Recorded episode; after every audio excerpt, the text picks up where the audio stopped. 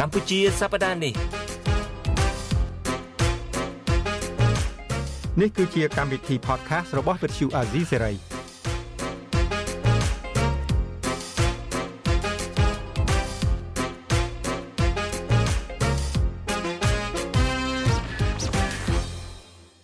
ខ្ញុំបាទសេកបណ្ឌិតសូមជម្រាបសួរអស់លោកអ្នកនាងកញ្ញាជាទីមេត្រី នៅក្នុងកម្មវិធី podcast អាស៊ីសេរីកម្ពុជាសប្តាហ៍នេះ បាទខ្ញុំបាទយ៉ងច័ន្ទតារាក៏សូមជម្រាបសួរលោកអ្នកនាងអ្នកតាមដានវិទ្យុអាស៊ីសេរីនៅក្នុងកម្មវិធី podcast កម្ពុជាសប្តាហ៍នេះដែរបាទមិនដែរបងសេចបណ្ឌិតសុខសប្បាយទេមួយសប្តាហ៍កន្លងទៅនេះបាទបាទសុខទុក្ខជាធម្មតាបាទលោកអ្នកនាងជាទីមេត្រីសប្តាហ៍នេះក៏ដូចជាសប្តាហ៍មុនដែរលោកអ្នកនាងឃើញពួកខ្ញុំទាំងពីរអ្នកទៀតហើយហើយលោកនាងកំតនជ្រិញពួកខ្ញុំអីពួកខ្ញុំប្រហែលជាអាចនៅមានមួយកម្មវិធីពីរកម្មវិធីអីទៀតពីព្រោះលោកសំពូលីនិងលោកជុនច័ន្ទបុតហ្នឹងនៅ បេសកកម្មនៅក្រៅប្រទេសនៅឡើយទេដូច្នេះពួកខ្ញុំត្រូវបានចាត់តាំងឲ្យកាន់កម្មវិធី podcast មួយរយៈទៀតសិនអឺហើយសប្តាហ៍នេះយើងមានភ្ញៀវមួយរូបចូលរួមជាមួយយើងបងសេមដិតជាយុវជនផងហើយសកម្មមែនទែននៅក្នុងការងារនយោបាយបងសេមដិតអាចជួយណែនាំភ្ញៀវយើងទៅកាន់លោកនាងផងបាទបាទភ្ញៀវរបស់យើងនៅសប្តាហ៍នេះគឺលោកសេងមេឃប៊ុនរង បាទប៊ុនរងគឺជាអនុប្រធានបណ្ដាញយុវជនកម្ពុជារបស់គណៈបកសង្គ្រោះជាតិបាទហើយឥឡូវនេះគាត់មិនមានវត្តមាននៅក្នុងប្រទេសទេដោយលោករាជនឹងស្រាប់ហើយមន្ត្រីឬមួយក៏សកម្មជនសំខាន់សំខាន់របស់គណៈបកសង្គ្រោះជាតិត្រូវបានស្ថិតនៅក្នុងបញ្ជីខ្មៅរបស់រដ្ឋាភិបាលតាំងពីរដ្ឋាភិបាលចាស់រហូតដល់រដ្ឋាភិបាលថ្មីនេះបាទដូច្នេះពួកខ្ញុំទាំងពីរអ្នកសូមជម្រាបសួរប៊ុនរងពីចម្ងាយបាទបាទជម្រាបសួរប៊ុនរងបាទបាទជម្រាបសួរបងទាំងពីរបាទ ប្រធានបទយើងនៅសប្តាហ៍នេះយើងនឹងជជែកអំពីរឿងមួយដែលមានដូចថាការចែករំលែកការបញ្ចេញមតិយោបល់នឹងច្រើនមែនទែននៅលើបណ្ដាញសង្គមហើយនៅក្រៅបណ្ដាញសង្គមហ្នឹងគឺតកតងទៅនឹងសាររបស់នាយករដ្ឋមន្ត្រីហ៊ុនម៉ាណែតតកតងទៅនឹងថាគាត់ចោទថាគំនិតចង្អៀតចង្អល់របស់គណៈបកប្រឆាំងនឹងហើយដែលធ្វើឲ្យគណៈបកប្រឆាំងនឹងអត់អាចមានឱកាសនៅក្នុងការឈ្នះឆ្នោតដើម្បីដឹកនាំប្រទេស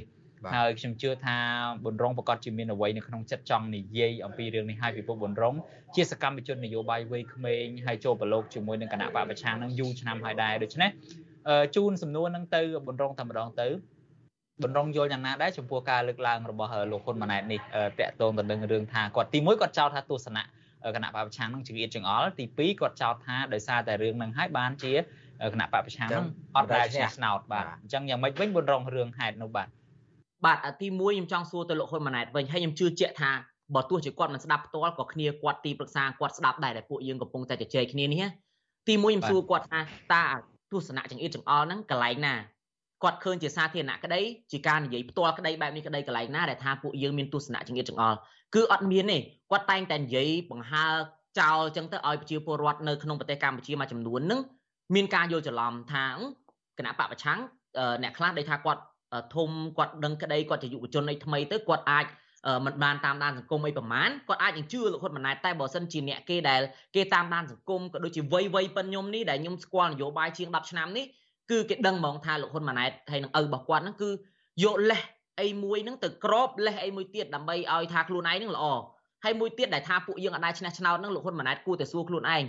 ហេតុអីបានទៅរំលាយគណៈបកគេហេតុអីបានលុបឈ្មោះខ្ញុំចេញពីការឈរឈ្មោះគេបោះឆ្នោត លុបមិនត្រឹមលុបឈរឈ្មោះគេបោះឆ្នោតលុបទាំងសិទ្ធិបោះឆ្នោតរបស់ខ្ញុំជាពលរដ្ឋខ្មែរទៀតហើយធ្វើបាបគណៈបកប្រឆាំងធ្វើបាបគណៈបកសង្គ្រោះជាតិមិនអស់ចិត្តធ្វើបាបគណៈបកភ្លើងទៀនថ្មីថ្មីនេះទៀតហើយអាហ្នឹងឯងដែលថាពួកខ្ញុំ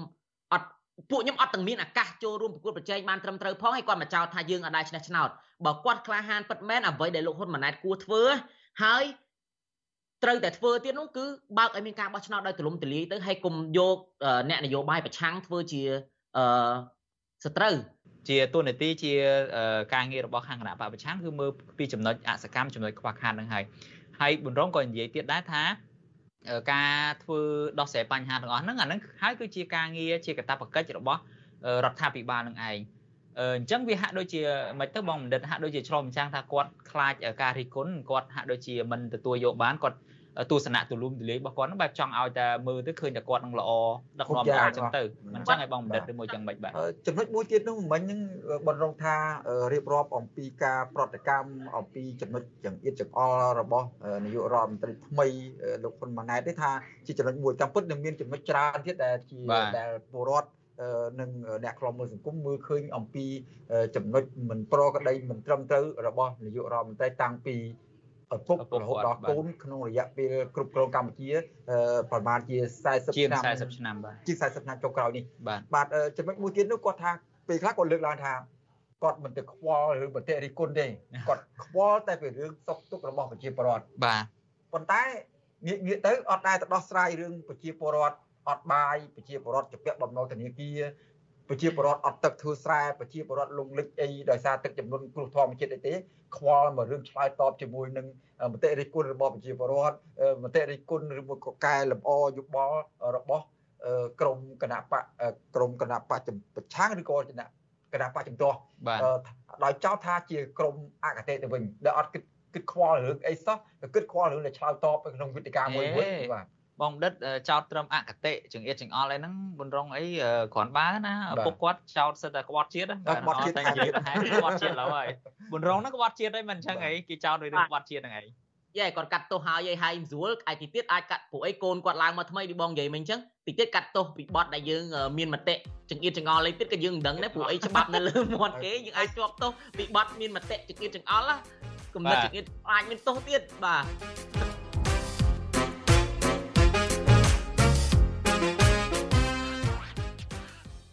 គាត់និយាយថាគាត់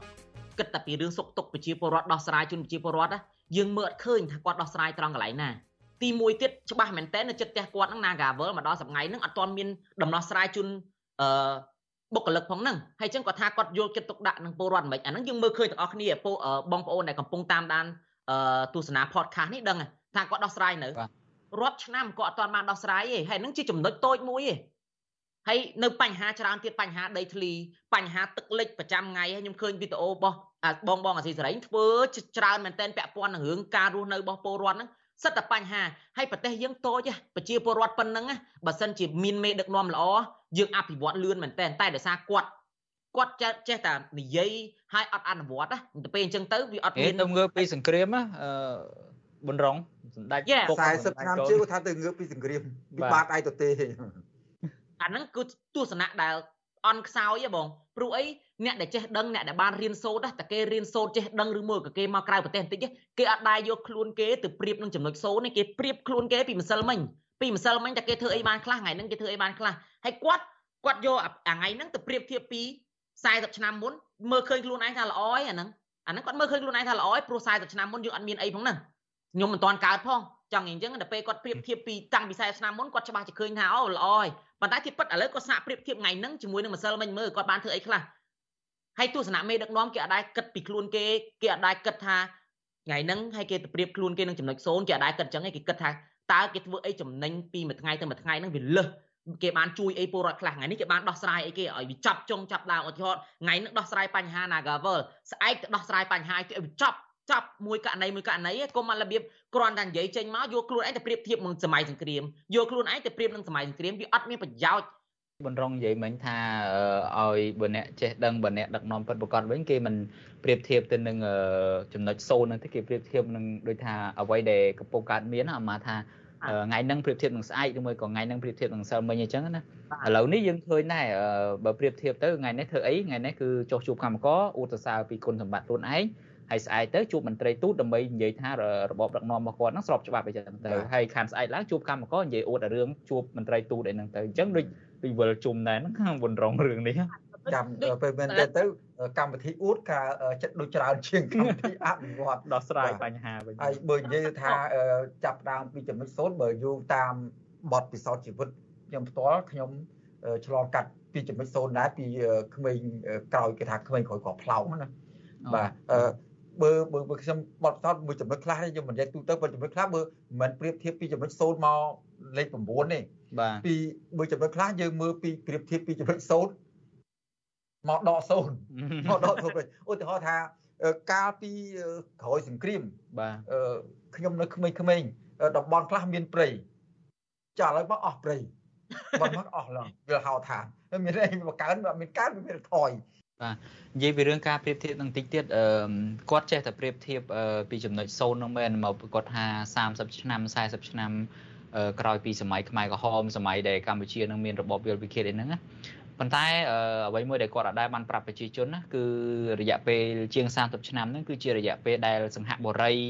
ដែលកូរ៉េខាងត្បូងអភិវឌ្ឍប្រទេសខ្លួនពីចំណុច0ពីប្រទេសដែលអត់ទាន់មានឯករាជ្យឬមួយក៏ពីប្រទេសដែល ផុងខ្លួនក្នុងសង្គ្រាមស៊ីវិលពេញណាពេញណីហ្នឹងคล้ายជាប្រទេសនៀកសេដ្ឋកិច្ចមានន័យថារយៈពេល30ឆ្នាំហើយយើងបើគិតពី79មកវិញក៏វាជាង40ឆ្នាំមកហើយដែរហើយបើគិតទៅថាត្រឹមតែកិច្ចព្រមព្រៀងក្រុងប៉ារីស23ដុល្លារ91ក៏ចូល32ឆ្នាំមិនដែរអញ្ចឹងវារយៈពេលជាង30ឆ្នាំហ្នឹងអ្វីមួយដែលគាត់មិនដែលបង្ហាញនោះគឺប្រទេសមួយចំនួនគឺអភិវឌ្ឍខ្លួនពីចំណុច0ដល់ចំណុចកំពូលនឹងឯង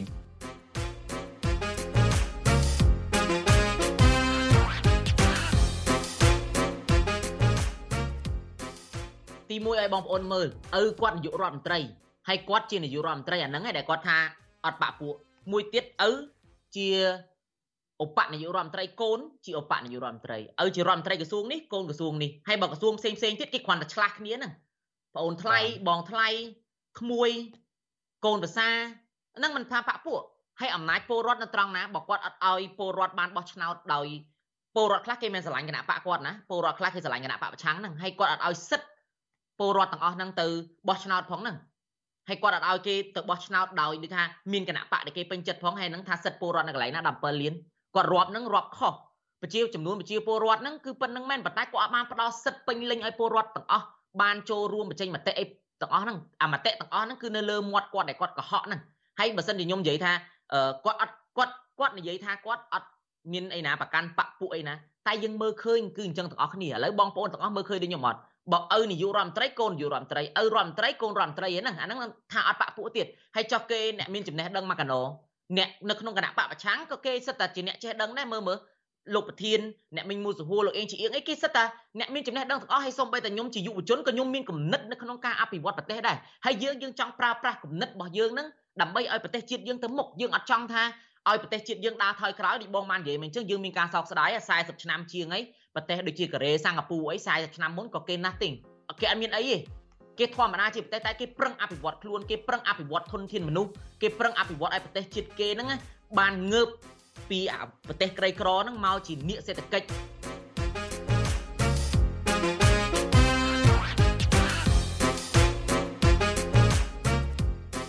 ក្នុងបដិបត្តិមួយដែលគាត់អ្នកណានិយាយក៏គាត់ចាប់ដាក់គុកអ្នកណានិយាយក៏គាត់ចោទប្រកាន់បានណា នៅពេលអញ្ចឹងទៅពលរដ្ឋខ្មែរយើងមួយចំនួនគាត់សុខចិត្តទ្រាំទុកនៅក្នុងបេះដូងនេះទុកនៅក្នុងចិត្តរបស់គាត់នេះតែខ្ញុំជឿជាក់ថាដូចខ្ញុំនិយាយប្រាប់មុនហ្នឹងចឹងថ្ងៃណាមួយគាត់នឹងមិនអាចទ្រាំទេនៅក្នុងអាសម្ពាធអស់ហ្នឹងដូចយើងបានជជែកគ្នាច្រើនហើយបងក៏បានជជែកគ្នាជាមួយនឹងវាគ្មិនច្រើនទៀតដែរគឺពលរដ្ឋយើងទ្រាំទេចាំទៅដល់ថ្ងៃគឺគាត់ក្រោកស្រស់គ្នាតែម្ដងរឿងហ្នឹងហើយមួយទៀតដែលរឿងដែលគាត់ថាពលរដ្ឋ17លានអ្នកជាបពពួកគាត់ហ្នឹងគាត់យល់ខុសហើយ ព្រោះមនុស្សមិនអាចមានគំនិតដូចគាត់ទាំងអស់ហើយដូចខ្ញុំសម្ងាយនេះខ្ញុំអត់មានគំនិតដូចគាត់ទេគឺយើងមានគំនិតផ្សេងប៉ុន្តែសូមឲ្យថាបើសិនជាយើងជាប្រទេសប្រជាធិបតេយ្យយើងគោរពគំនិតគ្នាទៅវិញទៅមកហើយយើងយកដោះស្រាយជូនបញ្ហាជាតិទៅដោះយកគំនិតដែលខ្វែងគ្នាចុះខ្វែងគ្នាឡើងរកចំណុចរួមមួយហើយដោះស្រាយបញ្ហាជាតិទៅហើយគម្រងចាំឲ្យពួកខ្ញុំទៅសើខ្ញុំជឿជាក់ខ្ញុំដឹងហ្មងថាពួកគាត់ចង់ឲ្យតែពួកខ្ញុំទៅសើគាត់ទេដូចថាគាត់ធ្វើអីទៅអូត្រូវផ្ទះដៃផុសទៅសើអីចឹងទៅគាត់សប្បាយចិត្តដែរតែដល់ពេលយើងរិះគន់គាត់ មិនពេញចិត្តទេចោតយើងប្រឆាំងឯងមិនត្រឹមតែប្រប្រឆាំងឯងថាយើងរួមគំនិតក្បត់អីឬក៏ក្បត់ជាតិអីទៅទៀតគម្រងចាំឲ្យពួកខ្ញុំទៅសើធ្វើឲ្យតែល្អទៅហើយយើងប្រកួតប្រជែងដោយស្មារតីទៅនឹងដឹងឯថាពលរដ្ឋស្រឡាញ់អ្នកណាគោរពគំនិតអ្នកណាហើយនៅខាងណាច្រើនជាងអ្នកណា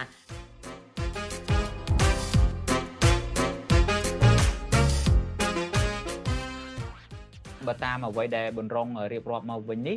តាមពិតគឺពុកគាត់